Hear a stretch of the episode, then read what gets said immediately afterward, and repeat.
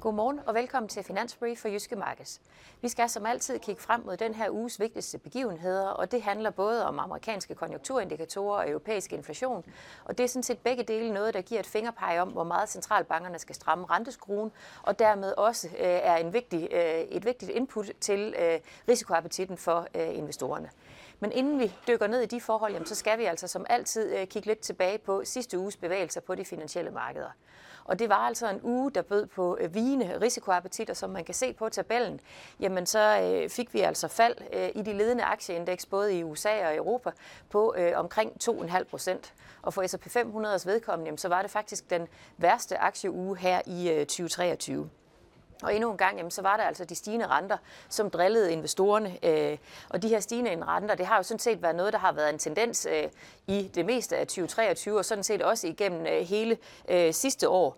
Øh, men det vi så har oplevet her i 2023, det har jo egentlig været, at nøgletallene, øh, vækstnøgletallene har overrasket positivt og har været noget bedre øh, end forventet. Øh, men inflationsnøgletallene har øh, været ret sådan øh, svære at få øh, slået ned og har været noget højere end forventet. Og i sidste uge der fik vi altså både en oprevidering af inflationen i euroområdet, og vi fik højere end ventet amerikansk recession, øh, amerikansk inflation i fredags, og det var altså især noget af det, som spukede de her investorer, og som gjorde, at vi fik en elendig afslutning på øh, sidste uge. Øh, og den her vigende risikoappetit, som øh, var dominerende i sidste uge, jamen den satte sig altså også på valutamarkedet, hvor vi fik en klar øh, styrkelse af dollaren, øh, som vi jo traditionelt ser, når der er øh, problemer og pres på øh, risikoappetitten. Hvis vi så ligesom vender os mod øh, første tema i den her uge, jamen så er det altså øh, inflation fra øvreområdet, som er i øh, fokus. Og øh, der må vi erkende, at selvom vi forventer, at vi får et lille fald i øveområdets øh, inflation, så er det desværre ikke noget, som kommer til at lette presset på øh, ECB. Dels øh, så er den samlede inflation jo stadigvæk øh, alt for høj, selvom vi forventer, at den kommer ned under øh, de 8,6 procent, som den var i januar måned. Øh, men det er altså primært energi, som trækker ned. Og hvis vi i stedet for bare kigger på det underliggende inflationsbillede, altså hvor vi prøver at fjerne nogle af de her mest volatile komponenter som fødevare og energi, jamen så er der altså stadigvæk et pres øh, opad på øh, priserne. Øh, og vi forventer også, at kerneinflationen kommer til at være nogenlunde øh, uændret omkring de her rekordhøje øh, 5,3, som vi havde i januar måned. Og det er egentlig et billede, vi forventer også kommer til at fortsætte de næste par måneder. Det kommer altså til at tage noget tid, inden vi får en bedring i det underliggende inflationsbillede. Og dermed også øh, kommer det til at tage noget tid, inden vi får inflationen tilbage på centralbankernes målsætning. Selvom der ikke er nogen tvivl om, at øh, energi kommer til at trække kraftigt ned i den samlede inflation her i de kommende måneder. Samlet set så betyder det altså også, at der stadigvæk vil være et pres øh, på centralbankerne for at fortsætte med øh, at stramme renteskruen. Og det forventer vi altså også vil være budskabet, når vi på torsdag får et referat fra det seneste øh, ECB-møde. Også selvom det jo egentlig var et møde, som markederne i hvert fald initialt tolkede, som om det var begyndelsen til enden på ECB's renteforhøjelser.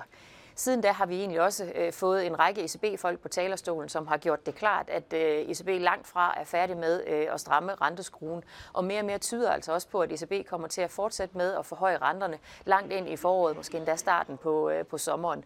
Øh, så på den måde er der altså stadigvæk lagt i kakkeloven til, at der vil være pres opad på renterne.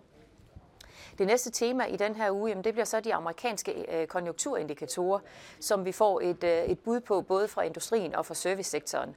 Og det er altså øh, nogle øh, indikatorer, som faktisk har givet nogle klare udsving på markederne her i den, øh, i den foregående tid. Øh, og det gælder egentlig især øh, den øh, indikator, der er for servicesektoren, som jo egentlig gik fra, øh, kan man sige, øh, kæmpe øh, recessionspessimisme øh, i øh, december måned, øh, måned til øh, nærmest øh, jubeltilstande i, øh, i januar måned. Og det var altså noget af det, der var med til at give nogle store udsving på øh, på aktiemarkederne øh, også.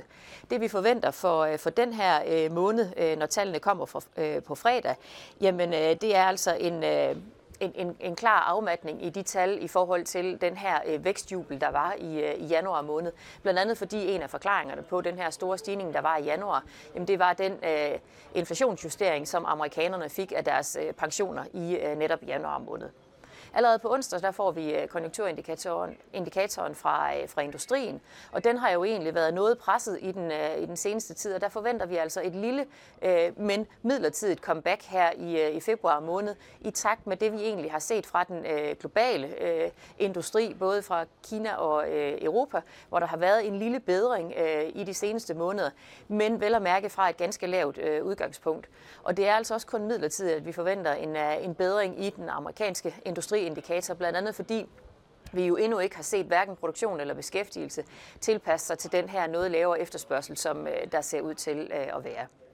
Det sidste tema, der er værd at holde øje med i den her uge, jamen det er jo sådan set de konjunkturindikatorer, vi får fra Kina. Øhm, og der er der jo fokus på, om det her øh, comeback efter coronanedlukningerne kan komme til at fortsætte. Og det er altså nogle øh, vigtige konjunkturindikatorer, der kommer øh, fra Kina. Og det handler jo om, at, øh, at når de er ekstra vigtige den her gang, jamen, så er det jo dels fordi, vi fik den her overraskende hurtige øh, genåbning, øh, øh, som blev annonceret hen øh, i slutningen af december. Og samtidig så får vi faktisk ikke ret mange konjunkturindikatorer eller vækstsignaler i det hele taget fra Kina i den her tid på grund af de kinesiske øh, nyår. nytår. Vi forventer øh, indikationer på fortsat øh, solid vækst i servicesektoren i Kina, mens øh, industrien formentlig er mere fodslæbende. Og det er jo simpelthen fordi, at Kinas industri er knyttet meget op på det globale billede. Og selvom vi har set en lille bedring i vækstsignalerne fra Europa i industrien her på det seneste, jamen så er efterspørgselen altså stadigvæk svag, og det vil formentlig være noget af det, der gør, at Kinas øh, industri stadigvæk vil være øh, mere fodslæbende. Og det var egentlig det, jeg havde valgt at tage med i Finansbrief for i dag. Tak fordi du så med.